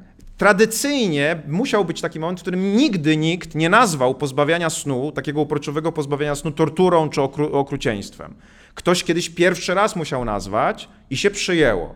Dlaczego? Dlatego, że funkcja właściwa słowo tortura czy okrucieństwo nie, do, nie dotyczy formy torturowania konkretnej, tylko skutku, jaki wywołuje tortura albo okrucieństwo. I, I, kiedy się dowiedzieliśmy po analizach psychologicznych, że długotrwałe pozbawianie snu może prowadzić do choroby psychicznej, a więc do trwałego uszkodzenia zdrowia albo do traumy, no to doszliśmy do wniosku, że nie ma żadnej różnicy pomiędzy tym, czy ja łamię kołem, czy nie pozwalam komuś długotrwale spać, bo skutek jest taki sam. A słowa są po to, żeby ten skutek wyłapywać w rzeczywistości. Więc jeżeli mogłem zmienić odniesienie słowa okrucieństwo czy tortura, to może mogę zmienić odniesienie słowa małżeństwo. Jak to muszę zrobić, jeżeli chcę to udowodnić? Muszę pokazać, że funkcją właściwą słowa małżeństwa nie była forma, tylko pewna funkcja w społeczeństwie. Oczywiście wtedy prawicowy krytyk powie: No panie, ale przecież funkcją małżeństwa jest posiadanie naturalnego potomstwa. I to jest jakiś argument, z którym się trzeba oczywiście zmierzyć. No wtedy ktoś z drugiej strony powie: Ale przecież są małżeństwa, które nie mają potomstwa. Prawda? I funkcja małżeństwa nie dotyczy tylko posiadania potomstwa wtedy, tylko pewnej bliskości, dziedziczenia po sobie, prawda, pewnego rodzaju praw wzajemnych, na przykład dowiadywania się o, o swojej sytuacji zdrowotnej. Nie, nie chcę rozstrzygać tego konfliktu czy tej, tej, tego sporu, bo jest strasznie złożony, ale zwróćcie uwagę, że jeżeli podejdzie się do niego z perspektywy tej teorii, to nagle uzyskujemy narzędzia, mam nadzieję, do w miarę cywilizowanej dyskusji. Bo tak naprawdę musimy sobie zadać pytanie, dlaczego instytucja małżeństwa przetrwała? Tak jak sobie zadajemy pytanie, dlaczego instytucja dlaczego organ w postaci serca przetrwał. Co było przyczyną, że społeczeństwa reprodukowały tę instytucję? Co pozwoliło jej przeżyć? Czy posiadanie dzieci, czy raczej pewnego, czy inne elementy, które zapewniały pewną trwałość związku? Jeżeli dojdziemy do wniosku, że to nie, nie posiadanie dzieci albo nie tylko posiadanie dzieci, to wtedy decyzja o rozszerzeniu tego sformułowania na inne sytuacje jest otwarta. I teraz inny przykład zupełnie, zupełnie z drugiej strony. Po katastrofie w Smoleńsku bardzo wiele osób używało takiego sformułowania, że osoby, które tam zginęły, poległy. Tak? Poległy. No i też pojawiały się głosy, że to jest manipulacja, że sformułowanie poległy jest nieadekwatne do tej sytuacji. I znowu, tłumacząc to tym podejściem do języka, o którym mówiłem, musimy się zastanowić, jaki jest linearz, jaka jest historia użycia słowa polegli i wiemy o tym oczywiście, że tradycyjnie ono odnosiło się do śmierci poniesionej na polu bitwy albo w trakcie walk wojennych. Tutaj ktoś powie, no mieliśmy do czynienia z cywilnym wypadkiem, ze straszliwym wypadkiem, to jest oczywiste, ale z wypadkiem. W związku z tym, czy nie jest nadużyciem użycie tego słowa polegli w odniesieniu do tego typu sytuacji, czy to nie próbuje przemycić dodatkowych pewnych wartości, których w całej tej sytuacji nie było, to znaczy, że ci, którzy zginęli, byli na wojnie, że oni z kimś walczyli, że zostali przez kogoś zaatakowani i pokonani. Znowu dyskusja na ten temat jest możliwa tylko wtedy, kiedy przeanalizujemy funkcję właściwą sformułowania polegli. Czym ona się różni od funkcji właściwej sformułowania zginęli? Czy jest jakaś różnica? Czego ona dotyczy? To wszystko, ponownie, ja nie chcę dzisiaj odpowiadać na to pytanie, możecie sobie sami odpowiedzieć, ale i w jednym, i w drugim przypadku, jak widzicie, wziętym zupełnie z różnych dwóch bajek ideologicznych, powiedzmy, czy politycznych, pytanie jest to samo. Co znaczy słowo i czy ktoś może zmienić jego znaczenie swoją własną decyzją albo, albo pewną aplikacją, która, która powoduje, że oto ono odnosi się do czegoś innego. I zwróćcie uwagę, że takie sytuacje manipulacji są nam znane, także z prac e, z literatury. Rok 1984 Orwella jest, takim, jest taką dystopią, która bardzo mocno zajmuje się wykrzywianiem języka. Jeżeli oglądaliście Dyktatora z Saszą Baronem Cohenem, to tam też jest taka sytuacja, w której on jako dyktator chce być wielkim lingwistą. Stalin też chciał być wielkim lingwistą i mówi, że mu się nie podoba obecność dwóch słów pozytywny i negatywny i chce te dwa słowa zastąpić jednym, Aladdin. No i przychodzi facet, żeby odebrać swój wynik testu na HIV i mówi, jaki mam wynik, a lekarz mówi Aladdin. I on jest zdziwiony. No i to jest bardzo śmieszna, można powiedzieć, albo nieśmieszna prezentacja sytuacji, w której funkcja właściwa została zabita. Właśnie po to mamy dwa słowa, pozytywny i negatywny, bo, bo takie jest nasze środowisko. Tak jak mamy jadalny i trujący. Jeżeli nagle zamienimy je na jedno słowo Aladdin, to ono już nie będzie pełniło swojej funkcji właściwej, bo funkcją właściwą jest odróżnianie pozytywnego od negatywnego, jadalnego od niejadalnego. I to jest sytuacja, która pokazuje nam, że słowa mają swoją funkcję właściwą, która jest wytwarzana przez tradycję i nie jest przypadkiem, uwierzcie mi, że każdy, każdy system totalitarny odcina się od tradycji, bo chce na, nowo, na, chce na nowo jak gdyby zdefiniować słowa, chce się odciąć od tej tradycji. A tego się nie da zrobić. Taki głupkowaty dowcip, który jest często prezentowany przez właśnie filozofów języka, pokazuje, że nasza indywidualna decyzja co do tego, co znaczą słowa, nie zmienia ich funkcji właściwej. Ten przykład dotyczy tych Polaków, którzy kąpią się na plaży w Kalifornii i jeden pyta drugiego, wciągając go w żart, jak jest po angielsku rekin. On mówi shark. Mówi, jak? Nie słyszę. No i on krzyczy shark na całą plażę i wszyscy ludzie uciekają z wody. No to jest sytuacja, w której słowo shark zostało użyte bez intencji ostrzeżenia, tego, że pojawia się niebezpieczny, niebezpieczny twór w wodzie, który może odgryźć nogę albo, albo nas zjeść, a mimo wszystko efekt został wywołany. Czyli to nie intencja tego, kto krzyczał shark, decyduje o znaczeniu tego słowa, tylko funkcja właściwa. W tych kontekstach użycie tego słowa historycznie jest ostrzeżeniem i cokolwiek by nie zostało zrobione, tak to będzie działało. Oczywiście, chyba że dojdzie do inflacji tego znaku. Jeżeli ktoś dla zabawy będzie sobie krzyczał shark na plaży w Kalifornii odpowiedni długi czas, to efekt będzie taki sam jak włączanie alarmu przeciwpożarowego codziennie, że on przestanie pełnić funkcję właściwą. To pokazuje, zobaczcie, jak wrażliwy jest język na praktykę jego użycia, ale też jaki jest ważny, bo ci filozofowie, którzy stosują tę metodę, mówią, że język jest jedną z najważniejszych adaptacji, jaką sobie wytworzyliśmy. Dlatego odnieśliśmy sukces ewolucyjny jako stworzenia i zapanowaliśmy nad światem, bo żadno in, żadne inne stworzenie takiej adaptacji nie ma. Oczywiście są sposoby komunikacyjne zwierząt, Pszczoły na przykład mają bardzo złożony sposób komunikacyjny. Tańcem pokazują kierunek, w którym są, jest, jest, jest nektar i w ten sposób wysyłają inne pszczoły. Możecie sobie zobaczyć na YouTubie, to jest absolutnie nieprawdopodobne. Pszczoła przylatuje do miejsca, do ula i nagle wykonuje o, tym swoim ogonkiem jakiś taki taniec i on, ten sposób wykonywania tego tańca pokazuje kąt, pod którym inna pszczoła ma lecieć, żeby zebrać nektar. To jest nieprawdopodobne i to jest zbadane naukowo, że tak rzeczywiście, rzeczywiście jest. Ale to jest bardzo prosty sposób komunikacji. Pewne małpy mają trzy komunikaty na różnego rodzaju drapieżników, czyli drapieżnik od góry, drapieżnik na drzewie, drapieżnik od dołu. I w zależności od tego, jaki okrzyk wydają, tak się poruszają. Ale to są bardzo prymitywne sposoby komunikacji w porównaniu z naszym językiem, z językiem Szekspira, prawda, z językiem Kamila, Krzysztofa Kamila Baczyńskiego i z językiem prawa, które są bardzo wyrafinowane. Ale można to analizować w sposób bardzo podobny do tego, jak się analizuje ten język. No i teraz przechodzę już do konkluzji. Jak to wszystko się ma do interpretacji prawniczej? Jak to wszystko się ma do, czy w ogóle można to zastosować i czy możemy myśleć o prawie w kategoriach adaptacji komunikacyjnej, która nam lepiej pozwala siebie koordynować? Otóż jest takie pojęcie, które się pojawia i w kognitywistyce, i które się pojawia w psychologii, ono się pojawia też w filozofii języka, jak reprezentacja mentalna. Tak? Reprezentacja mentalna to jest pewnego rodzaju, roboczo mówiąc, odbicie świata w naszym umyśle.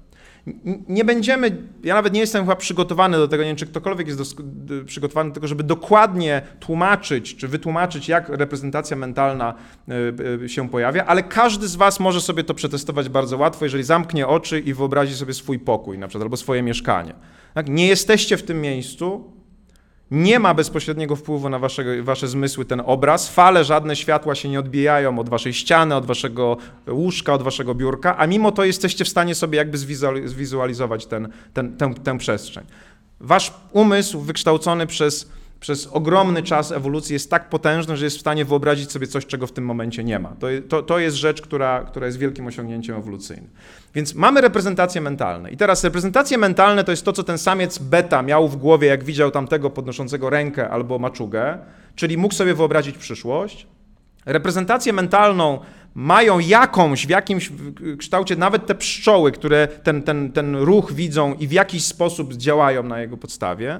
Jeszcze innym przykładem, który będzie nam pomocny, jest reprezentacja mentalna, którą sobie żaba wytwarza, kiedy widzi, jak coś czarnego obok niej przelatuje. Jest to reprezentacja mentalna pod tytułem jedzenie tu i teraz. I ta reprezentacja ma tę, to działanie, że ona powoduje działanie, czyli powoduje akcję.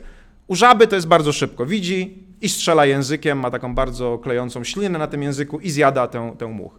No i znowu może sobie myślicie, że ja już całkowicie zwariowałem, bo opowiadam o żabach i o muchach na wykładzie z teorii filozofii prawa, ale tak nie jest, bo okazuje się, że każda koordynacja w rzeczywistości społecznej, a więc także ludzkiej, opiera się na tej samej sekwencji. Język, czyli znak, reprezentacja, działanie. Język, znak, reprezentacja w umyśle, działanie. Czyli tak, coś się dzieje w świecie, ja wytwarzam reprezentację i na podstawie tej reprezentacji zaczynam działać. Co więcej, jestem w stanie oceniać, czy moja reprezentacja jest właściwa, czy nie, bo za chwilę wiem, czy odniosłem sukces, czy porażkę. U żaby to znowu jest bardzo proste. Jeżeli ona ma właściwą reprezentację tego czegoś, co przelatuje, i w związku z tym ma szansę, że jak machnie tym językiem, uderzy tym językiem, to zje to coś i odniesie sukces. Więc jest znak, reprezentacja, akcja i sukces. Od razu wiadomo, czy sukces jest odniesiony. Teraz, czy możemy w ogóle jakkolwiek tę sytuację przenieść na ludzi? Otóż okazuje się, że my też działamy według tej konfiguracji. My obserwujemy świat, on wytwarza jakąś reprezentację w naszym umyśle i my działamy na tej podstawie. Jeżeli widzimy dym, to, który jest jakimś znakiem naturalnym, mówimy sobie nie ma dymu bez ognia, w związku z tym możemy sobie wytworzyć reprezentację mentalną tego ognia i w zależności od tego, co chcemy zrobić, możemy albo pójść w jego kierunku i się ogrzać, albo uciekać, bo na przykład uważamy, że to jest pożar, w zależności od tego, jaka jest ta reprezentacja. Także w tej reprezentacji, która już jest ludzką reprezentacją, sukces jest szybko oceniany, bo jak nie uciekniemy, to zginiemy, bo zostanie, spalimy się, albo jak, nie pode, jak mamy złą reprezentację, na przykład ten dym to nie jest dym, ale para wodna, to się przy niczym nie ogrzejemy, bo tam nie ma żadnego, żadnego ognia, prawda? Więc znowu już w ludzkiej reprezentacji macie tę samą sekwencję. Znak, reprezentacja, działanie. A jak jest z bardziej złożonymi reprezentacjami?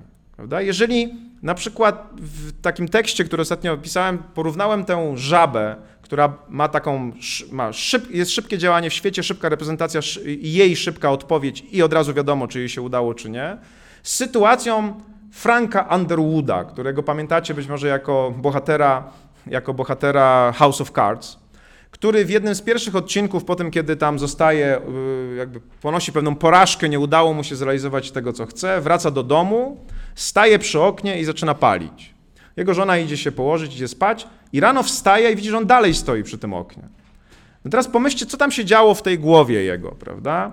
Tam na pewno było bardzo dużo różnych reprezentacji mentalnych. On sobie wyobrażał i planował przejęcie władzy, oczywiście w sposób, można powiedzieć, zupełnie inny niż żaba, dlatego że pomiędzy jego reprezentacjami a jakimkolwiek działaniem była przepaść. To znaczy on najpierw bardzo długo myślał, przekładał jedną reprezentację na drugą, jak zrobię to, to tamci zrobią tamto, jak oni zrobią tamto, to ja zrobię to.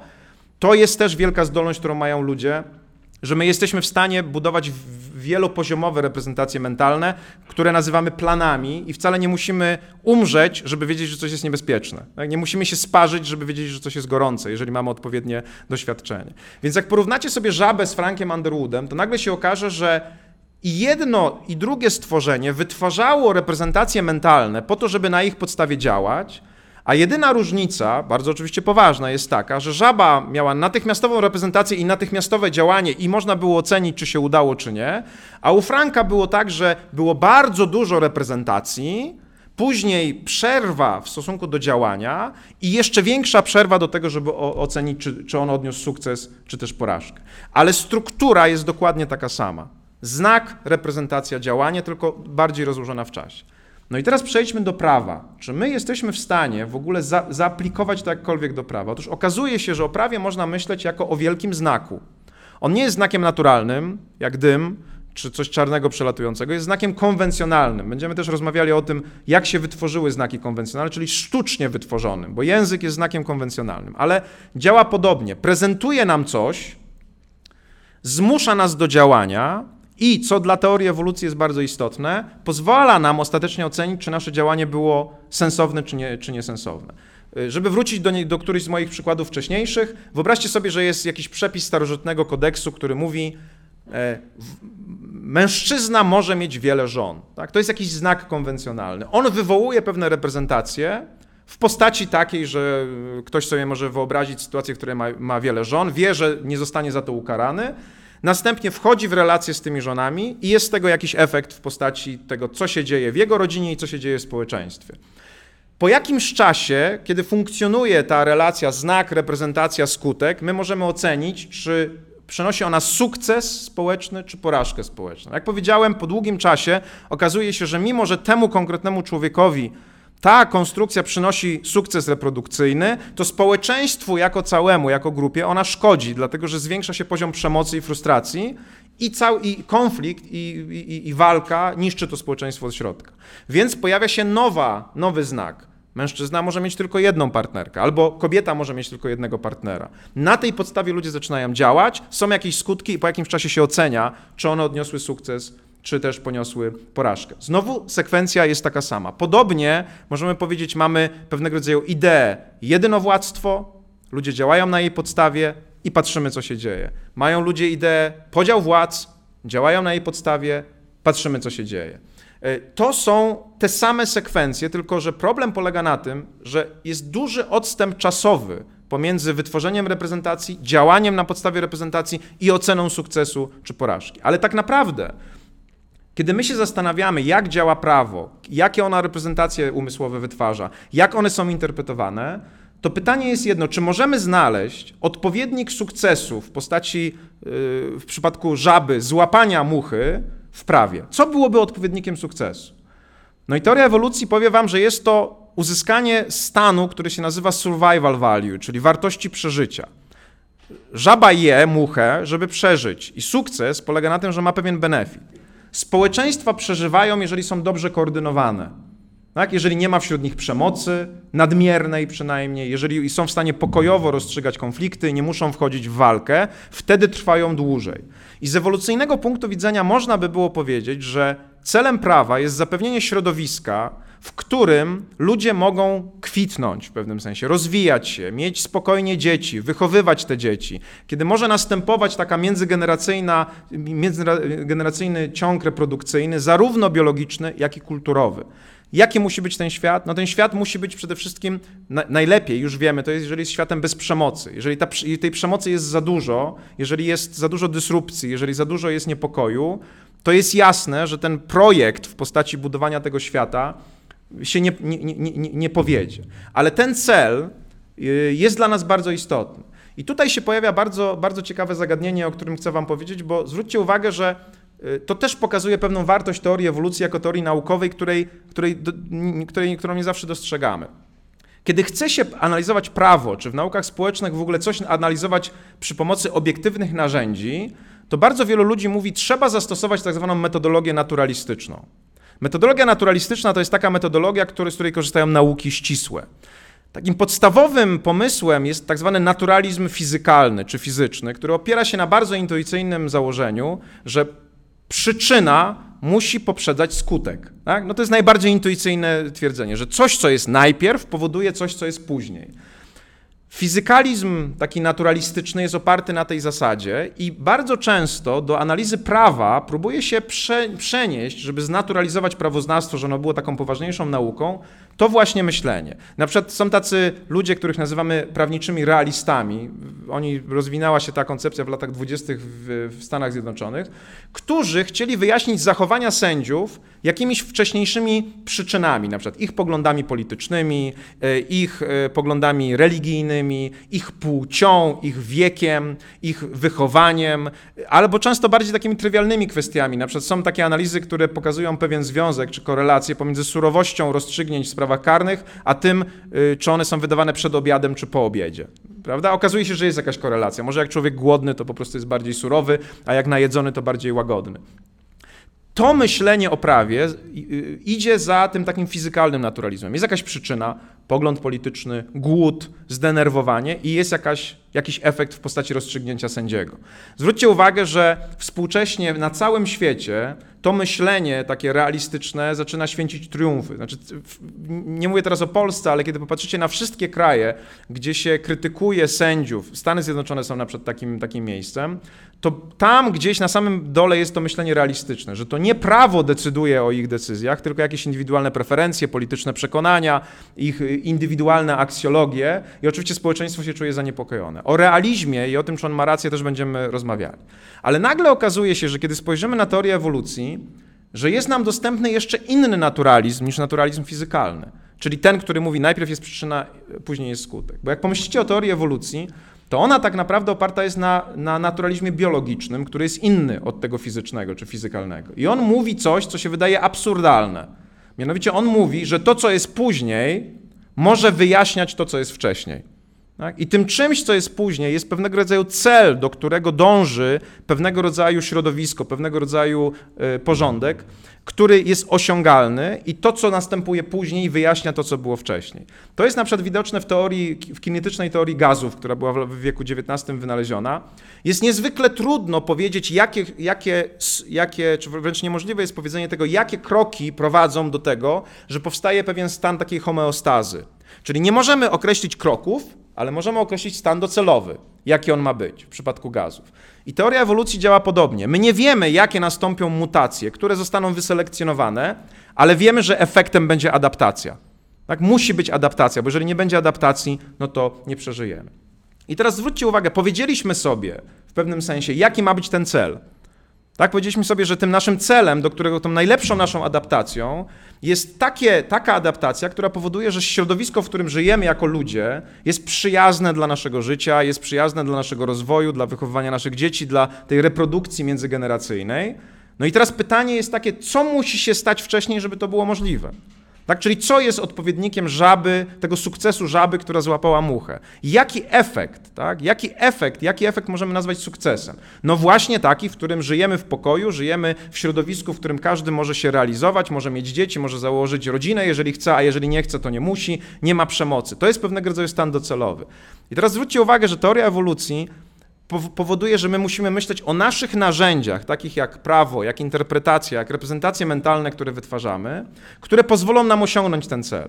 I to jest pewnego rodzaju mechanizm, który wcale nie jest taki oczywisty, ale który nam wyjaśnia wiele różnych rzeczy. Co on na przykład nam wyjaśnia? I teraz przechodzę już na tekst prawny, żeby wam powiedzieć, co wynika z takiego podejścia dla naszej interpretacji. Po pierwsze, on, ten, ten, to podejście wyjaśnia nam wiele rzeczy, które intuicyjnie wiedzieliśmy, ale jeszcze wyjaśnia nam wiele innych, bo teoria ewolucji ma wielką moc eksplikacyjną. Nie wiem, czy kiedyś się zastanawialiście nad tym, dlaczego prawo musi być systemem. Tak? Dlaczego w ogóle prawo musi być systemem? No, my sobie mówimy i o tym będziemy mówili na tym wykładzie, że prawo musi być systemem. Musi mieć e, strukturę hierarchiczną, konstytucja, ustawa, rozporządzenie, że nie może być sprzeczności w prawie, że jeżeli pojawiają się sprzeczności, to musimy je rozwiązywać jakoś. Musimy je usuwać, dlatego mamy reguły takie jak lex specialis derogat legi generali, lex superior derogat e, legi inferiori i tak No ale tak naprawdę, jeżeli ktoś by was zapytał, no ale czy to musi być hierarchia w prawie? Musi być system? Nie mogłoby być inaczej?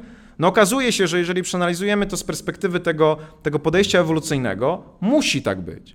Teraz pomyślcie, jak to działa, jak działa tekst prawny jako źródło naszych reprezentacji mentalnych.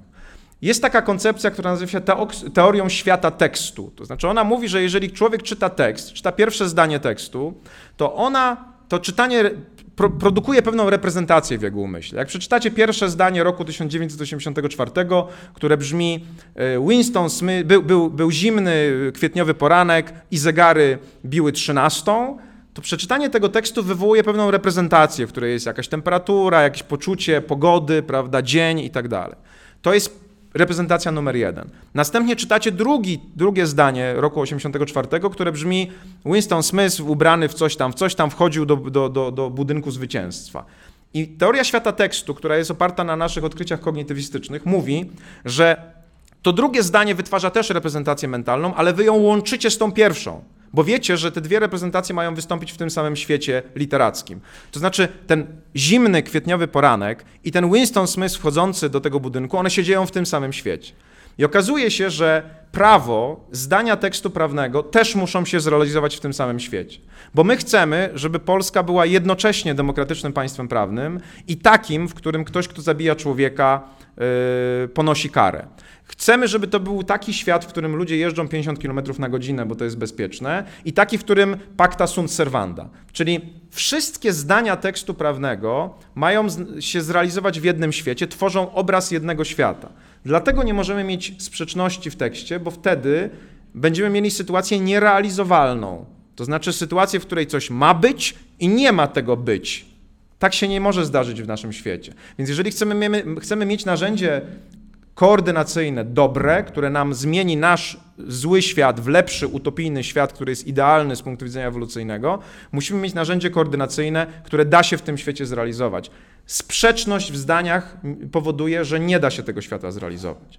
Druga cecha. Czy kiedyś zastanawialiście się bardzo głęboko nad tym, dlaczego prawnicy mówią impossibilium nulla obligatio est? Tak? To, co niemożliwe, nie może być nakazane. My na tych zajęciach będziemy też analizować taką przypowieść Lona Fullera o królu Reksie, który chciał zrewolucjonizować prawo i wymyślał różne rzeczy, w pewnym momencie zaczął, zaczął zakazywać ludziom kichania albo uważał, że powinni się stawić bez względu na to, w którym miejscu są w ciągu dwóch minut. I Fuller mówi, są pewne granice naturalne dla prawa, których ono przekroczyć nie może, dlatego że ono wtedy nie będzie funkcjonowało. On nie myślał teorią ewolucji, ale to samo da się powiedzieć o prawie, które ma spełnić ten ewolucyjny cel. Jeżeli prawo będzie wymagało rzeczy niemożliwych albo będzie wymagało rzeczy absurdalnych, to się nigdy nie zrealizuje ten świat, w którym mamy funkcjonować, ten idealny ewolucyjnie świat, bo absurd nie może się zrealizować, bo niemożliwość nie może się zrealizować. Dlatego my jako prawnicy modyfikujemy ten obraz świata, który nam się z tekstu prawnego pojawia, po to, żeby się go dało zrealizować. Na przykład stosujemy reguły inferencyjne, wnioskujemy z jednych norm o innych, bo one są nam potrzebne do tego, żeby, żeby zrealizować ten świat. Więc tekst prawny okazuje się przypomina projekt budowlany. Tak, projekt budowlany jest też pewnego rodzaju złożonym znakiem, artefaktem, który ma się zrealizować w rzeczywistości. Jak ktoś go realizuje, odpowiednik prawnika, czyli ten, ten kto, jest, kto, kto realizuje ten projekt, to on nie może zbudować trzeciego piętra, jeżeli projekt nie przewiduje drugiego. Bo po prostu tego się nie da zrobić. Więc jeżeli jest luka w projekcie, to niejako, żeby zrealizować całość, ten, kto realizuje ten projekt, musi domyślić drugie piętro. Jak to robi sędzia, który mówi, no tak, w artykule drugim Konstytucji, który mówi, że Polska jest demokratycznym państwem prawnym, nie ma słowa o zakazie retroakcji, bo nie ma, ale ja wyprowadzam z artykułu drugiego zakaz retroakcji, bo jak będzie retroakcja, to nie będzie demokratycznego państwa prawnego, to się mu mówi, no to jest dyskrecjonalność sędziowska. Tak? Krytycy tej dyskrecjonalności mówią, że tu sędzia popłynął, prawda? poszedł za daleko. Proszę mi pokazać, gdzie tutaj jest napisane, albo gdzie tu pisze, że, że, jest, że jest e, zakaz retroakcji. No tak samo ten, kto konstruuje ten budynek, może mieć, panie, no zbuduje panu to trzecie piętro bez tego drugiego piętra, ale to się zawali. Nie, no nie ma sensu, po prostu nie da się tego zrobić, więc albo zmieniamy projekt w aplikacji, albo nici z całego projektu. I to na przykład powoduje, że nam jest łatwiej wyjaśnić, dlaczego, dlaczego prawnicy mają tyle narzędzi uzupełniania luk, myślenia inferencyjnego, dodawania pewnych elementów, a mimo to realizują wolę prawodawcy. Bo zakładamy, że wolą prawodawcy jednak jest to, żeby ten świat powstał, tak? żeby ten świat funkcjonował, żeby on miał jakieś cechy. I jeżeli my teraz powiemy, no nie, no ale my tutaj w ogóle nie rozumiemy o co chodzi w tym tekstu, w tekście, dziękujemy, nie będziemy tego budować, no to się sprzeniewierzymy podstawowej woli prawodawcy. A przecież pamiętajcie, że o ile projekt budowlany jest najczęściej robiony przez jednego człowieka lub przez małą grupę ludzi, kilku architektów, którzy jeszcze mają możliwość rozmowy ze sobą, Znak, którym, którym jest tekst prawny, jest stworzony przez ogromną liczbę ludzi, którzy prawdopodobnie nigdy się ze sobą nie widzieli. Ta ustawa o wychowaniu w trzeźwości i przeciwdziałaniu alkoholizmowi, o której mówiłem na początku, została uchwalona w roku 82. Tak? Jeszcze w czasach komunistycznych, później zmieniona wielokrotnie i dalej obowiązuje. To kto jest jej autorem? Do, do czyjej racjonalności mamy się odwołać? Tak? Y, parlamentu naszego komunistycznego, czy później tego, kto zmieniał? Którego z posłów? Tego, co głosował za, czy tego, kto się wstrzymał także? To jest bardzo trudne, a jeszcze jak pomyślicie, że tych ludzi jest tak dużo, no to przecież jest jasne, że jak oni wrzucali do tego projektu różne rzeczy, to on może być niekompatybilny ze sobą. I kto jest potem odpowiedzialny za jego kompatybilność? No ten, kto go realizuje, czyli prawnik. No więc jest pewne jakieś uzasadnienie dla tego, żebyśmy my te pe pewne elementy usunęli albo dodali. Oczywiście nie możemy tego robić dowolnie. Ale cała dyskusja, która się przetacza przez filozofię prawa, ile wolności ma prawnik w stosunku do prawodawcy, czy ma być tylko ustami ustawy, tak? Czy ma, czyli ma mówić mniej więcej tak, jak budowniczy mówi, robię tak, jak jest napisane, niech się zawali, nie moja sprawa. Czy ma tak mówić prawnik, czy ma jednak mówić, no nie, moją rolą jest zbudowanie domu, który będzie stał, w którym będzie mogła mieszkać rodzina, y, w którym będzie odpowiedni warunek ewolucyjny do posiadania potomstwa i w związku z tym ja go chcę zbudować tak, żeby on stał. To jest moja odpowiedzialność. No więc to, to jest taka dyskusja. Są tacy, którzy uważają, że prawnicy właśnie głównie w systemie kontynentalnym, e, za historią napoleońską, który zakazał sędziom w ogóle interpretacji przecież. Założenie jest takie, że sędziowie są niebezpieczną kastą, która będzie wykręcała wolę ustawodawcy, będzie działała przeciwko narodowi. Jest taka idea. W systemie common law, w systemie anglosaskim, sędziom się bardziej ufa i bardziej daje im się tę możliwość uzupełniania, chociaż też są oczywiście za to krytykowani. Ogromne liczby stron zostały zapisane w filozofii prawa na podstawie tego, czego sędziom, co w sędziom jest wo wolno, a czego, czego nie. I wreszcie trzecia cecha, która także jest bardzo ciekawa, bo ona wynika z naszych doświadczeń kognitywistycznych związanych z analizą tekstu. Otóż każdy znak, każdy tekst zwłaszcza ma skończoną liczbę zdań, a świat ma nieskończoną liczbę cech, zwłaszcza cech relacyjnych, prawda? Coś w jakiejś relacji do czegoś y, powstaje. I teraz powstaje pytanie y, tego, że obraz, reprezentacja, która jest wytwarzana na podstawie tekstu, w tym tekstu pra prawnego, jest jakby niewłaściwie nasycona cechami, żeby odpowiedzieć na potrzeby świata. To, to, Roman Ingarden to tłumaczy taką koncepcją miejsc nie do określenia. On mówi, że jak jest w tekście literackim y, zdanie człowiek szedł ulicą, no to my je rozumiemy, bo sobie w reprezentacji mentalnej dodamy tam pewne elementy, ale jak ktoś chce to przenieść na świat, na przykład chce dokonać adaptacji teatralnej czy, tele, czy filmowej, no to nie może po prostu powiedzieć, że człowiek szedł ulicą. Ta ulica jakaś musi być, no albo brukowana, albo asfaltowa, albo są obok niej drzewa i budynki, albo nie ma. Jakoś to trzeba uzupełnić. Te miejsca nie do powiedzenia czy nie do określenia, o których mówi Ingarden, one występują też w tekście prawnym oczywiście.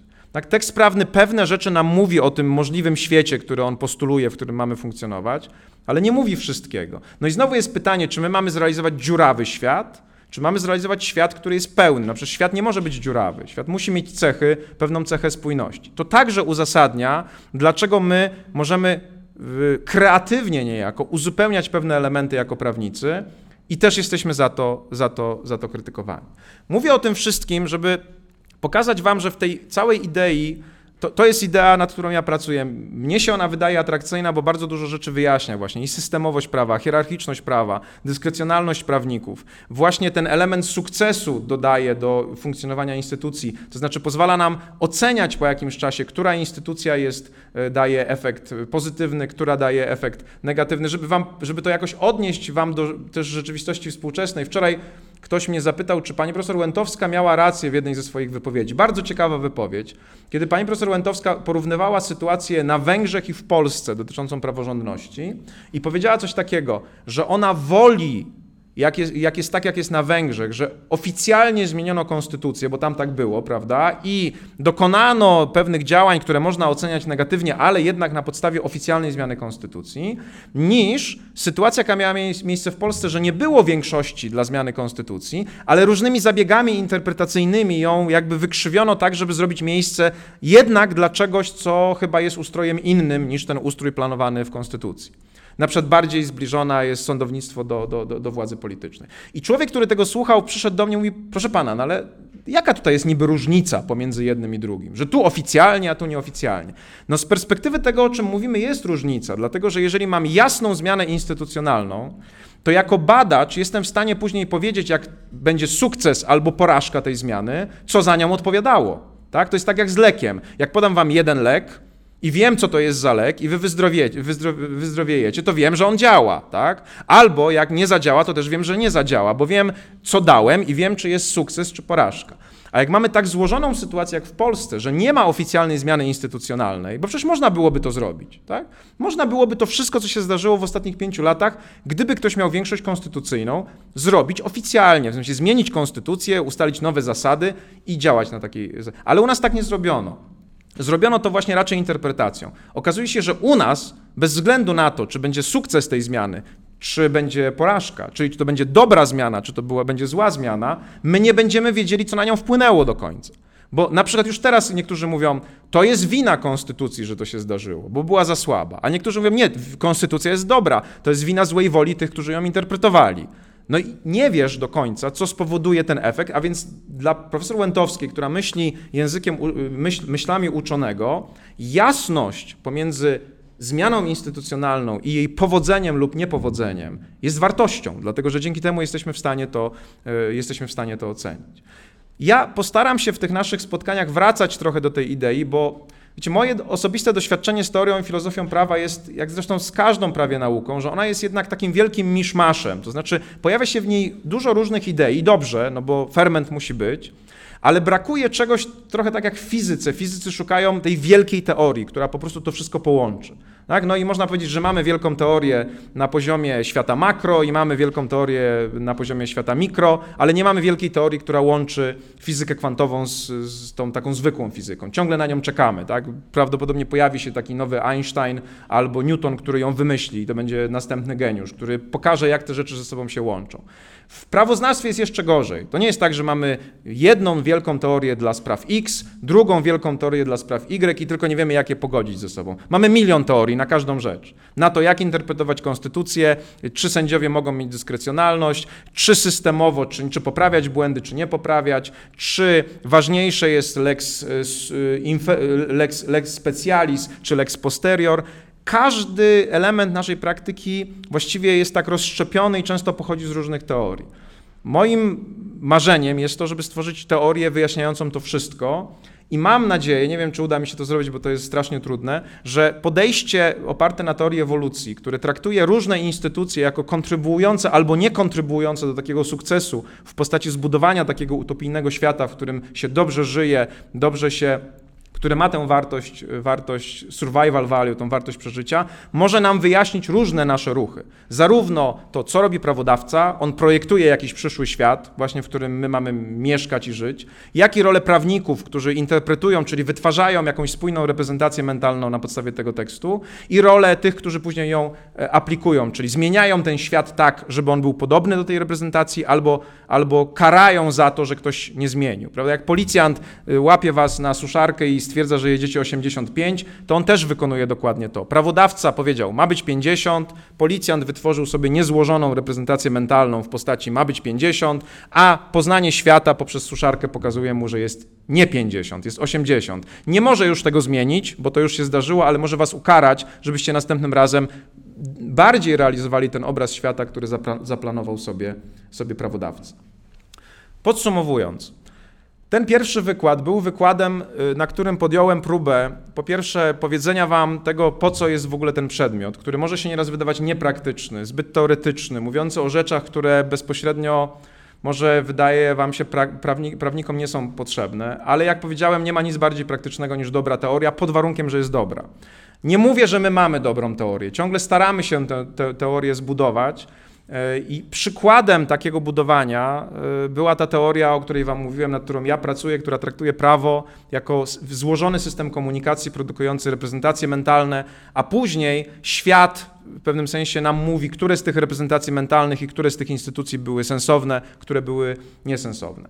E, będę starał się w trakcie naszych kolejnych spotkań, kiedy będziemy omawiali już te, te mniejsze teorie, które do tej pory zostały historycznie w prawie wytworzone, czyli właśnie prawno-naturalizm, pozytywizm prawniczy, pozytywizm inkluzywny, pozytywizm ekskluzywny, Harta i jego koncepcję reguł pierwotnych i wtórnych, Dworkina i jego koncepcję prawa jako powieści w odcinkach, jakoś łączyć z tym wszystkim, żeby tak takie ogólne rusztowanie, w którym, w którym te rzeczy się mieszczą, było Wam jakoś e, dostępne.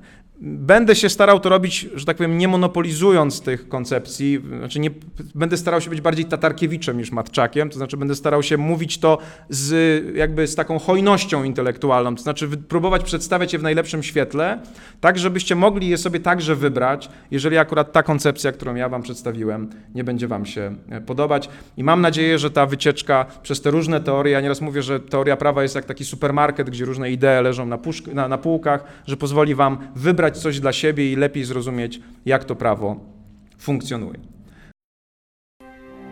Jeżeli zainteresowały Was tematy, o których mówiłem, zachęcam do tego, ażebyście włączyli się do dyskusji. Zostawcie koniecznie komentarz, przedstawcie swoją opinię. Możecie także zdecydować się na subskrypcję tego kanału. Będzie mi bardzo miło, bo wtedy będziecie mieć łatwiejszy dostęp do kolejnych odcinków. Zachęcam.